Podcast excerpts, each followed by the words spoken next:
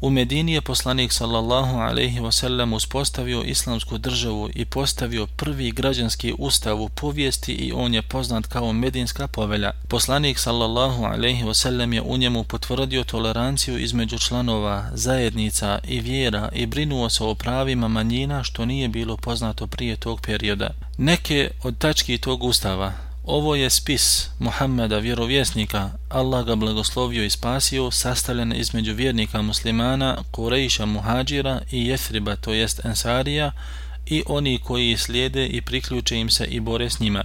Oni čine jednu zajednicu ili ummet izvan ostalih ljudi. Vjernici zaista neće ostaviti svog člana po teretom obaveza duga i porodice, a da ga uz obročinstvo ne pomognu.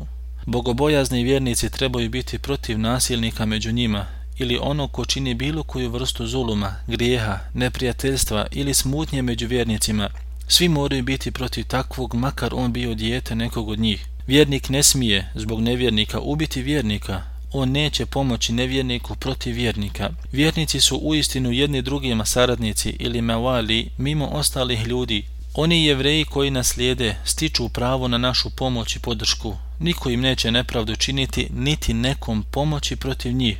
Bogobojazni vjernici se nalaze na najispravnijem i najčvršćem putu. Jevreji će dijeliti troškove sa vjernicima dokle god budu pod ratnim dejstvom.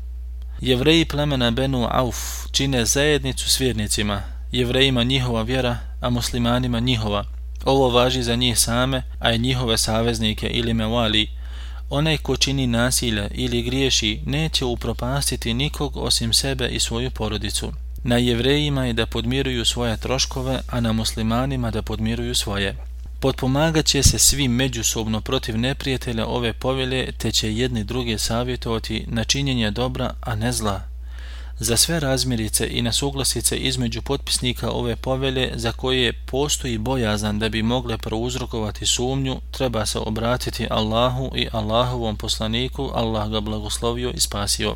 Među njima, to jest potpisnicima ove povelje, mora biti međusobno potpomaganje protiv onog ko napadne Jesrib ili Medinu. Ova povelja se odnosi na svakog, samo ne na one koji su nepravedni i grešnici. Siguran je i onaj ko izađe, a i onaj ko ostane u Medini, samo ne oni koji nepravdu ili grijeh učine, a Allah je sa onim ko dobročinstvo čini i ko je bogobojazan, i Muhammed sallallahu alaihi wasallam je Allahu poslanik.